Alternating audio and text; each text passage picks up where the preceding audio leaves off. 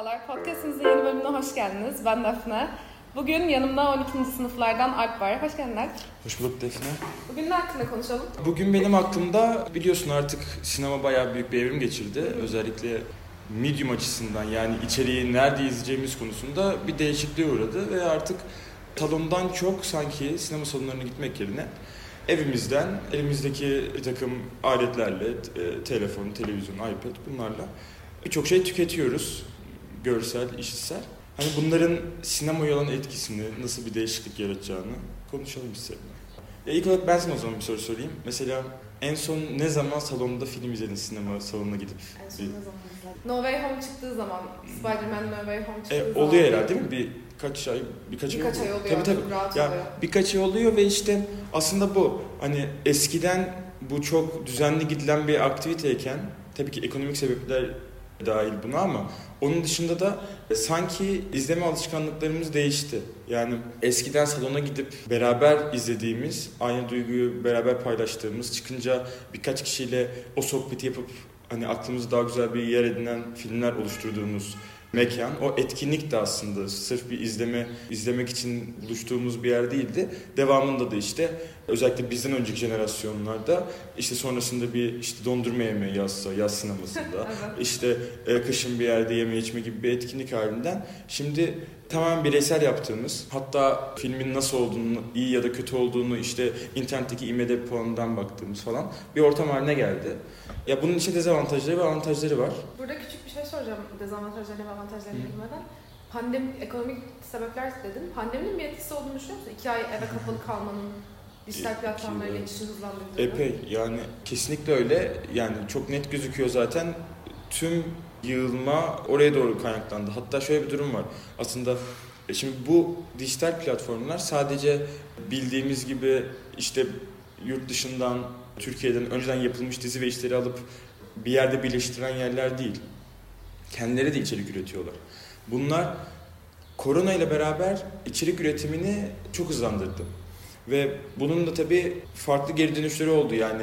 Seyirci bunu evde izlerken çok hızlı tüketmeye başladı ve bir noktadan sonra artık işi kendisi götürmek istediğini fark etti birçoğu. Yani şu an Blue TV'nde, Netflix'inde, işte şimdi Gain çıktı bir süredir. Gain'in dominasyonu söz konusu. Bunların hepsi çok hızlı bir şekilde içerik üretiyorlar ve büyük yapımlar çalışıyorlar. Yani bir kanal, kanal dediğimiz şey kendi içeriğini üretir ya. Bunu hedefliyorlar artık. Misyonları bu şekilde. Bu da işte hepimizin avantajı ne oldu? Koronada bunu çok net gördük yani. Bir sürü yeni iş çıktı ve yeni işler hak ettiği ilgiyi gördü. Seyirci eskiden o kadar zamanı yokken çıkacak şeyleri az çok tüketip bu platformlar hakkında bir fikri oluştu. Ve buna göre yani herkesin de izleyebileceği bir şey bulabildi yani. Bu çok önemli bir şey. Tabii bunun dezavantajları ve avantajları var. Günün sonunda ben işte Netflix'i açtığımda her şeyi bulabiliyorum ya. Yani işte animasyon da var, Evet, e, dizi şey de var, altında. işte film de var. Ve bunların yanında hani bir aslında YouTube algoritmasına çok benzeyen bir yapısı var Netflix'in çünkü çok kalabalık bir ortam orası. Yani ben mesela hiç reality show izlemiyorum Netflix'te. Benim hiç önüme çıkmıyor ama onlardan da tonlarca var. İşte ama gidiyor işte Sundance Film Festivali'nde gösterilmiş bir filmi seçkisine ekliyor ve böylece ne oluyor? Çok daha farklı bir kitleye hitap ediyor.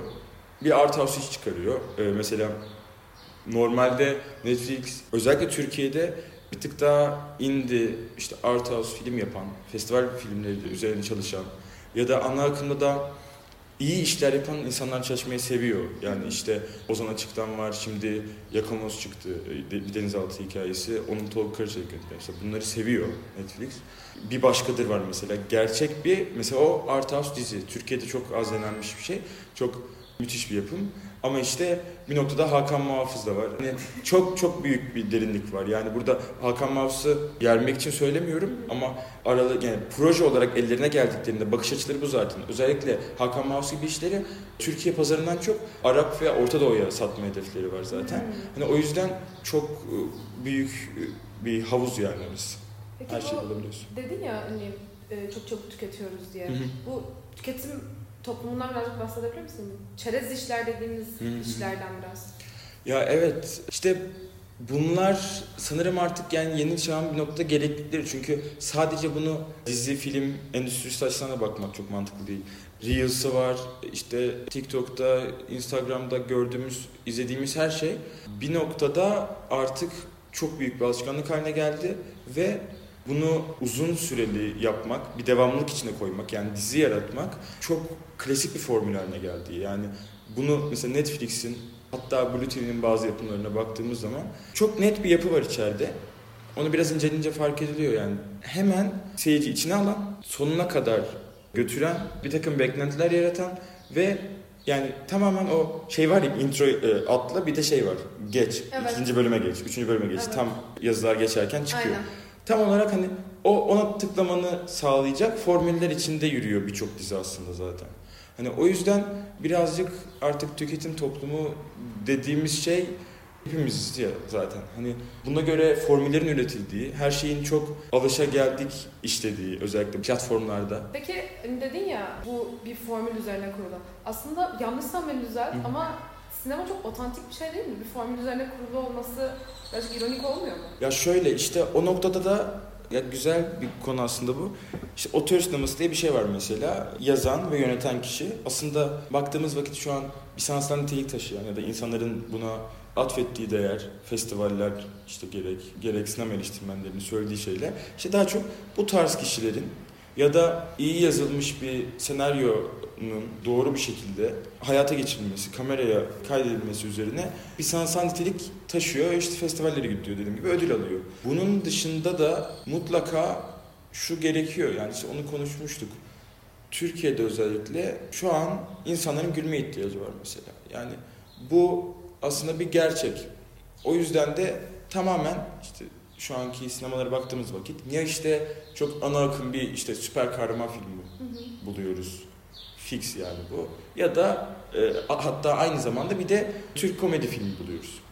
Doğru. Şimdi bu noktada insanların farklı bir arayışa girmesi beklenmedik olur. Çünkü e, zaten sinemaya gitmek şu an işte bir lüks haline gelmiş maalesef. Bu durumda ben güleyim, eğleneyim, şu iki saat kafamı dağıtayım gibi bir algıyla geliyorlar. Burada seyirciyi suçlamak da çok doğru değil. Sinema salonunu da suçlayamıyorsun.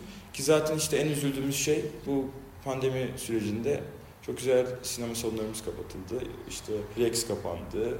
Ee, Şimdi Atlas sanırım İstanbul Film Festivali için tekrar açıldı ama Evet. içi sallantıda. Beyoğlu sineması keza yine. Beyoğlu sineması benim çocukluğumun sinemasıydı. O- Yani birazcık böyle yıkılıyor olması çok kötü. İnsanların birazcık daha AVM'leri anlayabiliyorum yani hı. AVM'ler daha ulaşılabilir. Hı. Yani çıkışta işte AVM'de gezmek ve bir öyle bir ortamın olması daha kolay ama bir yandan da Evet. hani Beyoğlu sinemasına gitmeden de bilmiyorum ölmek istemezdim ben. Ya işte bence de ve şey çok üzücü. Ben mesela en sevdiğim filmlerden birini ben işte Rex'te izledim mesela. Hala işte biletini falan saklıyorum. Hani Hangi film bu arada? E, ya çok seviyordum. Sonra tabii insan değişiyor. Özellikle şu süreçte çok fazla şey tükettiğim için, izlediğim için, çekmeye çalıştığım için tamamen anlayış değişiyor ama eskiden Sundance ödül almış Tolga, Çelik'in, Tolga Karaçelik'in Kelebekler filmi. Beni çok Ha. etkilemişti. Yapmak istediğim filmler hakkında çok fikir vermişti. O yüzden çok hani tatlı anıları vardır. Hani salondan sokağa çıktığımız sinemalar günün sonunda çok değerliydi. Bir noktada artık üzücü olan şey onların kapanmasından çok sinemanın tekerleşmesi de yani şimdi marka ismini vermeyeyim ama AVM sinemaları aynı şekilde yürüyor ya yani aynı filmleri alıyorlar. Çok izleniyorsa onu hep gösteriyorlar. Yeni gelen belki izleme potansiyeli biraz daha olan nitelikli bir filme yer vermiyorlar gibi gibi sorunlar çıkıyor. Bu üzücü yani. Peki e, dedin ya benim çekmek istediğim filmlere de bir katkısı oldu. Senin azıcık kısa film deneyimlerinden bahsedelim. Yani filmden, senaryolardan. Öyle yapalım. Hatta buradan da şeye bağlamak isterim. Aslında mesela ben de şu an bir kısa film çektim yazın, geçen yaz. Fakat bu kış sınav senem olduğu için, yorucu bir süreç olduğu için kurguda yani montaj sürecinde bir ara verdik ve yazın tamamlayacağım filmimi.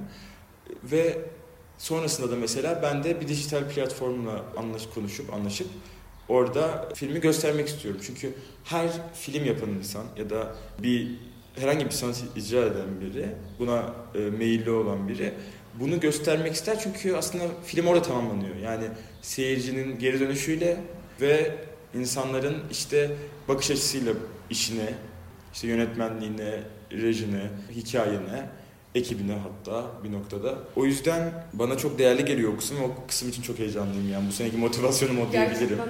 Çok güzel olur ama. Çok Evet. olur. Yani o, o beklentim var. Hani bunu da özellikle bu tarz Gain, işte e, Blue TV gibi platformlarla birleştirebilirsek çok mutlu olacağım. Çünkü aslında bu tarz yerler, bu tarz yönetmenlere işte yeni uzun metraj çekmiş, kısa filmleri olan birçok yönetmene alan tanıyorlar, yer veriyorlar. Bu da işte yeni bu değişen sinema endüstrisinin belki de e, avantajlarından biri. Nereye doğru evrildiğini görüp hangi işte şemsiyenin altına girmemiz gerektiğini açıkça gösteriyor. Hani her şey değişiyor ama bir yerden bir yere gidiş olunca işte her şey anaokul olmuyor. Her şey çok ya da indi kalmıyor.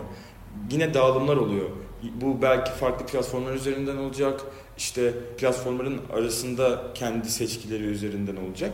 Ama her şeyi bulabileceğiz yine günün sonunda. Sadece dediğimiz gibi alışkanlıklar, seyircinin alışkanlıkları evrildi ve dünya böyle bir yere gidiyor. Belki hani şu noktada romantize etmek de belki birazcık gerek yok yani. Çünkü biz bu zamana kadar işte mesela işte resim, onların gösterildiği yerler, işte şu an sanat galerileri ise yüzyıllar öncesinde çok daha köklü, sinema çok yeni bir sanat ya yani yüz bir asır aşağı yukarı aktif olarak bu kadar yoğun ilgi talep ve işte keşif var aslında.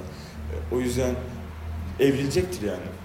Buradan sonra çok farklı bir deneyim de yaşayabiliriz. VR gözlükleriyle çok daha ilginç bir e, sinema deneyimi yaşayabiliriz falan. Hani, e, bunlara belki de açık olmak gerekiyor. İstediğimiz şeyi bulabildiğimiz sürece.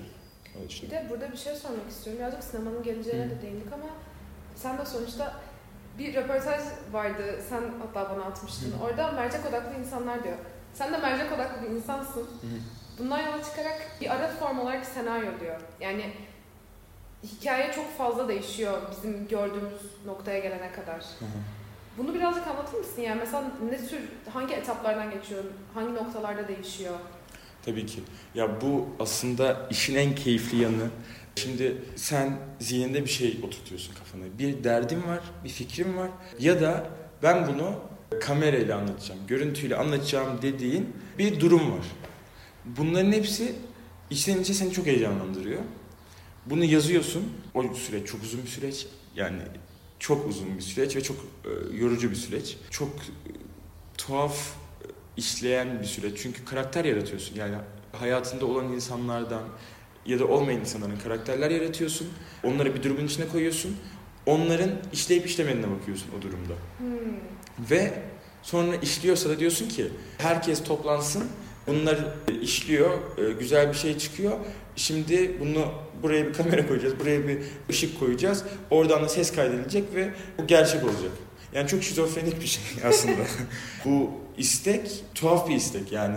Onu fark ediyorum çalışırken. Benim şöyle Benim uzak- hayal ettiğimi gerçeğe dökelim. Hani orada birileri oynasın. ya evet hani ve bunu beraber yapalım. Çünkü sonrasında şöyle bir şey oluyor. Şimdi bizim gibi özellikle amatör ya da yeni başlayan sinemacılar oturuyor mesela. Ekip var. Ben çok şanslıydım. Çok iyi bir ekiple çalıştım. Hepsi arkadaşlarım da şu an işte biri Polonya'da sinema okuyor, biri Paris'te. Ve onlarla çalışırken işte bir zaten elimizde ekonomi olarak bir bütçe var. Yani çünkü bu iş şöyledir aslında. Kısa film haricindeki hiçbir yapım, özellikle filmler, e, diziler asla kendi sermayene çekilmez. Bir yapımcın olman gerekir. Yapımcısı olması gerekir filmin. Ya da sen bir noktada e, yapımcılığını yaparsın ama yine ortak yapımcıların olur eğer milyarder değilsen yani şey müthiş imkanların yoksa. Bu tarz kısa filmlerde yine bir şekilde biz fonlama sistemi Fongogo ile çalıştık. İşte kendi elimizde bir sermaye vardı falan. Tamamen daha o yüzden şey bir iş oluyor. Aramızda olan ve kimseye bağımlı olmadığımız bir iş oluyor. Bu çok büyük bir rahatlık. Normalde böyle bir şey yok. İşte o diğer arkadaşlarımla çalışırken yine de bir ekonomik kısıtlama var. Çünkü her şeyi yapabilirsin yani. Çok küçük bir hikayen olsa da, çok sınırlı bir gerçek real life çeksen bile bir sürü şey ekleyebiliyorsun. Bir sürü şey çıkartabiliyorsun. Keza teknik ek- ekipmanlar için de aynı şey geçerli. O yüzden başta diyorsun ki ya şunu eksiltelim, şunu yapmasak da olur, şunu götürelim derken ekonomiyi öğreniyorsun, yapımcılığı öğreniyorsun orada ve orası da biraz hayal kırıklığı oluyor aslında. Yani çünkü hayal ettiğin şeyden farklı bir şey çıkacakmış diyorsun. Ki bunu muhtemelen en az yaşayan film çeken, kısa film yapan insanlardan biriyimdir. Biraz o noktada şanslıydım. Hikayemin de istediği şeyler çok zor şeyler değildi çünkü. Ama günün sonunda oradaki kafa patlatma işi yani şuna paramız yetmiyor. O yüzden de biz şunu şunu yapalım demek. Ve oradan verim alabilmek çok keyifli, çok tatlı bir olay. Ben bunları yaşadım. Sonrasında sete girince apayrı bir hayalim vardı ki benim işte kendi filmim falan hiç önceden yoktu. İlk deneyimdi set deneyimim neredeyse. Öncesinde reklam setlerine falan gitmiştim.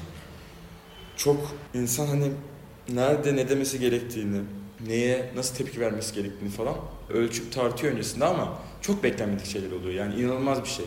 Hani diğer hiçbir sanat dalında bu yoktur herhalde. Hani belki müzisyen sahnede hani öyle bir durum olabilir ama zaten kendi derdini başkalarına anlatmadan yapabileceğin bir iş olduğu için bu yani başka bir şansın yok. Hani resimde eline alırsın boyanı ve çizersin istediğini ve içindeki aklındaki o anlatmak istediğin dert, durum, işte herhangi bir dökmek istediğin bir estetik anlatı oraya direkt geçiyor senin fiziksel becerinle, yetinle. Ama bizde hani herkesi e, yönetmek, parayı bilmek bir de sonra çok multidisipliner bir odakla işin içinde olmak gerekiyor sette. Sette apayrı bir süreç o yüzden. Yani düşünüldüğü kolay kadar kolay değil. Ama işte biz biraz kurguya başladık yazında. Hı hı.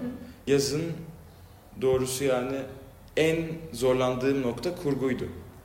Bu tüm süreç içinde. Ve en beklemediğim noktada, en gafil avlandığım kısım oydu. Çok ayrı bir süreç. Elinde görüntüler var. Kafanda filmi defalarca çekmişsin. Görüntüler onlara uyuşunca oraya koyuyorsun.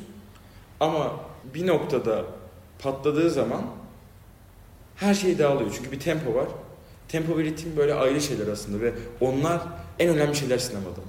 Çünkü bir devamlılık sunuyorsun seyirciye ve hikayenin onu hem sürüklemesi lazım hem de hikayenin kendi için tutarlı bir şekilde akması için o ritim ve temponun çok güzel işlemesi lazım ki böyle güzel tınılar gelsin kulağa, doyursun seyirciyi. O var aklımda yani hep onu düşünüyorum set, e, şey, kurguda. Nasıl yapabilirim işte müzik yok oradan kestik buraya koyduk şey bunlara kafa yorarken hani tamamen işin kurgudan başladığını fark ettim yani. ilk başta kurguyu düşünerek ön hazırlığı, pre-production dediğimiz süreci yönettiğim vakit çok daha rahatlayacaksın deyip ise kendime not aldığımız upuzun bir defter var bu film için. Onlardan biri de buydu. Öyle bir yolculuk diyebilirim. Bir de şey Kısa olmadı ama. yok ya yani eğer süreç uzunsa zaten küçük kelimeler kullanmaya gerek yok bence. Peki bir şey soracağım. Ee, sinemada yani birazcık aslında o formüllere de değinmiş olacağım ama Sinemadaki formsuzluktan bahsetmek istiyorum. Tekrar o bana attığın röportajda. Bu arada röportajın ismini tam olarak hatırlıyorsan eğer onun da ismini verelim. Şöyle Kaan Müjdeci'nin Medyascope'da çıkan bir röportajı. Öyle Aynen. herkes bulabilir YouTube'dan. Orada mesela şey diyordu. Formsuzluk bir forma sıkıştırdığımız her şey tekrara düşer ve formsuzluk bir form haline gelmeli diyordu. Sen bunlara katılıyor musun? Yani bunlar sinemada bizim için ne ifade etmeli? Ya şunu ifade etmeli bence. Bu klasik bir deyişe zaten güneşin altında söylenmedik söz kalmadı. E bu çok net. Hani aslında herkesin anlatmak istediği bir şey var ama onların hepsi önceden anlatıldı. Bizim olayımız bunu tam olarak form kelimesi orada bence çok çok uyuyor. Sinema formatında kamerayla sinemanın diliyle anlatmayı ve farklı anlatmayı başarmak. O önemli. Onu değerli buluyorum ben. E, o yüzden de işte senaryo aslında çok önemli bir materyal ve kafandaki şeyin daha iyi oturması için aslında aldığın notlardan farklı bir şey değil. Yani oyuncuyla çalışacağın şeyi daha kolaylaştırmak için ama onun dışında hiçbir şey belirlemiyor. Sadece senin hikayen hakkında sana fikir veriyor. Çıkacak şey tamamen senin imzan oluyor. Zaten o yüzden işte yani senaristleriyle yönetmeni konuşuyoruz filmde. Röportajı yönetmenle yapıyoruz gibi gibi. Orası çok ayrı bir süreç. Yani çünkü seyirci oradaki diyalogla bir noktaya kadar ilgileniyor. Onun hakkında hani bir resim kalması, genel çerçevede bir özet kalması daha değerli tabii ki. Yani bunlar önemli. O yüzden bu formsuzluk da şuradan benim aklıma geliyor. Aslında delilik bu iş. Şu açıdan delilik. Gerçekten öyle. Yani bir sürü referansım var. Tamam. Ama her şeyi apayrı yapabilirsin. Her şeyi yani sıfırdan kendini çizebilirsin ve apayrı bir dünya yaratabilirsin. Ve bunu stil olarak, duruş olarak, teknik olarak, işte senin setteki yönetim şeklin olarak falan her noktada herkesten farklı yapabilirsin ve bu işleyebilir. Yani eğer işi biliyorsan kuralları bozabilirsin, yıkabilirsin. O çok değerli geliyor bana. O çok heyecanlı geliyor. Bana. Evet. Yani sen O yüzden formsuzluk bence birazcık onunla da alakalı. Keyifli yani. Peki şunu da merak ediyorum. Mesela o röportajda yine Hı. şey diyordu. Değer kelimesinin sadece sayıya ya da ajitasyona bağlı olduğu, mağdur edebiyatına bağlı olduğu ya da bir alanda bu formsuzluğun değerler arasında bir iletişim sağlayacağını düşünüyorum. Bu cümleden yola çıkarak değer yargılarının sinemaya etkisi ne?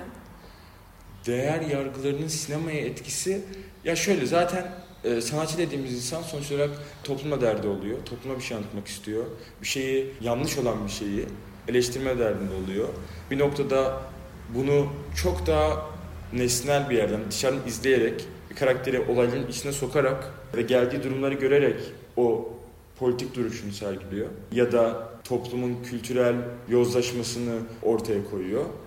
Ya da tamamen işte birazcık daha kendisini de içine sokarak e, biraz da erelti duruyor o yüzden. Biraz da taraflı durduğu vakit seyirci geri çekiliyor o noktada. Bunu göze vura vura yapan yönetmenler var.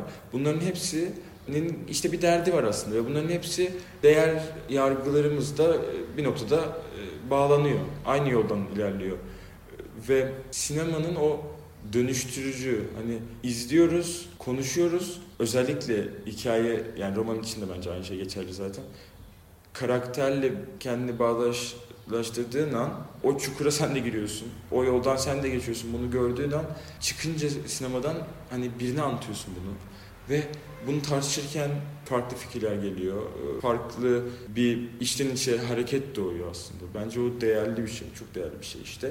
Ve tamamen o değer yargısını da e, tartışılabilir kılıyor. Özellikle de bence işte o önemli bir şey. Çok fark edilmiyor ama e, yönetmen ben böyle biraz geriden izleyeyim.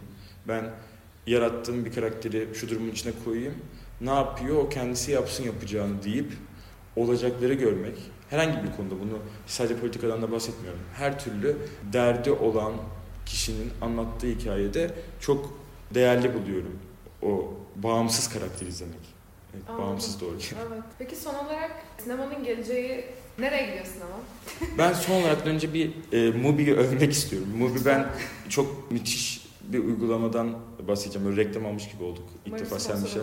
Umarım sponsor olursunuz. Sen Michel ama öğrencilere, okula değil. Mubi aslında bildiğimiz Netflix, Blue TV, Gain'den ayrı bir uygulama değil. Çok benzer işleyen aslında bildiğimiz hepsi içerik izletmek amaçlı kullandığımız uygulamalar. Bunun farkı şu, tamamen çok seyircinin alışkın olmadığı televizyondaki filmlere, televizyonda film çıkar ya ya da e, diğer platformdaki filmlere daha çok işte festivallerde izlediğimiz çok eski, çok güzel, başarılı, sanatsal niteliği yüksek, keyifli, belgesel, kısa film, filmler. Yani bir de şimdi çok genişletti o arşivini. E, Çok keyifli bir yer haline geldi. Bunları sunuyor ve çok iyi bir derlemesi var. Hatta Türk kurucusu da ve tüm şu an Avrupa'ya, birçok ülkeye yayılmış durumda. Türkiye'de de işte devam ediyor ve çok iyi gidiyorlar. Müthiş. Her gün bir film geliyor. Bir film böyle diyor gibi bir sistemi vardı öncesinde. Şimdi herhalde çok daha arttı kütüphane. Bu sene maalesef sınav senemi olduğu için çok aşırı neşir olamadım ama e, kesinlikle öneriyorum herkese. Hani dediğimiz şey var ya bir sürü güzel sinema kapatıldı. İşte on, orada izleyemediğimiz şu anki festival filmleri. Önceden çok güzel olan bir sürü işte art house film çok başarılı işte Fransız yeni dalgası yok İtalyan çok ön işte 1929'dan itibaren böyle geliyor. İzlemediğimiz bir sürü arşiv ve e, fark etmediğimiz bir sürü yönetmen, bir sürü isim. Müthiş her şey var yani. O yüzden Buradan da övmüş Buradan övmüş olalım yani. Onu diyeyim mi? Şunu da bağlayayım. Tam olarak buradan aslında bağlanabilir bir şey. Sinemanın geleceği aslında orada Kaan Müjdeci de diyor onu. Bence çok etkileyici bir şey. Yani şöyle bir evrime uğrayabilir. Sinema salonda izliyorduk. Pandemi geldi. İşte artık çok daha dijital bir hayat var. Buraya geçtik. Dijitaldeyiz artık. Bir sürü platform var. Bu dijital platformların hepsi bir şey hizmet ediyor. Bir seyirci kitlesine hizmet ediyor. Günün sonunda sinemada her sanat E, hatta her spor, her etkinlik, durum gibi evrime uğruyor. Ve bence bu da keyifli yanı. Çok daha ayrı deneyimler sunuyor. Yani e, bunların hepsi deneyim. Ve ileride de şöyle şeyler olabilir. Tabii artık oraya geldik bile neredeyse. Salonlar kapanacak birçoğu gibi duruyor. iyi salonların. Bir noktadan sonra belki tekel olanlara bile talep çok düşecek. Ve artık her şey görsel ya yani tükettiğimiz oyunda işte NFT'ye giriyor şimdi çok şey. Yani Aynen. evren oraya doğru giderken hala salon gibi bir kavramın olması zorlaşacak. Bu yüzden de şu anki operalar gibi çok niş bir hale gelecek sinemalarda. Bir takım mesela filmler, çok eski filmler, güzel filmler ara sıra orada gösterilecek. Birazcık daha e, lüks bir olay haline gelecek Çok salonda film izlemek. Yani evet, evet. olmasın. Ya böyle bir teori var mesela. Benim çok aynen mantıklı geliyor bana. Ve sadece bizde işte dijital platformlar belki de ileride farklı bir noktaya gidecek. e, Farklı bir formda izleyeceğimiz, içinde belki olacağımız falan böyle hani apayrı bir noktaya gidecek işler izleyeceğiz. Ben açıkçası heyecanlıyım. Yani tabii ki eski olan şeye özlemi insanın alıştığı şeye ayrı bir durum. Bir romantik etme e, durumu var ki biz genç bir nesiliz. Hani devamında bizden büyüklerin adapte olması bilmiyorum nasıl olacak. Ee, ama her türlü buna da alışacağız. Bu deneyimden de keyif almayı başaracağız. Bu deneyimlerin tek önemli noktası hala nitelikli iş sunabiliyor mu? Bence ona bakmamız gerekiyor. Onun kolaylaşması her noktada avantajlı bir şey bence. En önemli şey o yani şu an sinemacıya, sanatçıya nasıl bir katkısı var? Avantaj mı sağlıyor? Yoksa salonlarda izlemek öncesinde onlara daha büyük bir hem gelir kapısı hem de izlenme oranı kazandırıyorsa belki de farklı bir noktaya evrilmeli konu. Düşünüyorum bu şekilde. Çok teşekkür ederim. Gerçekten Ne çok demek. zevkliydi. O zaman sonraki bölümde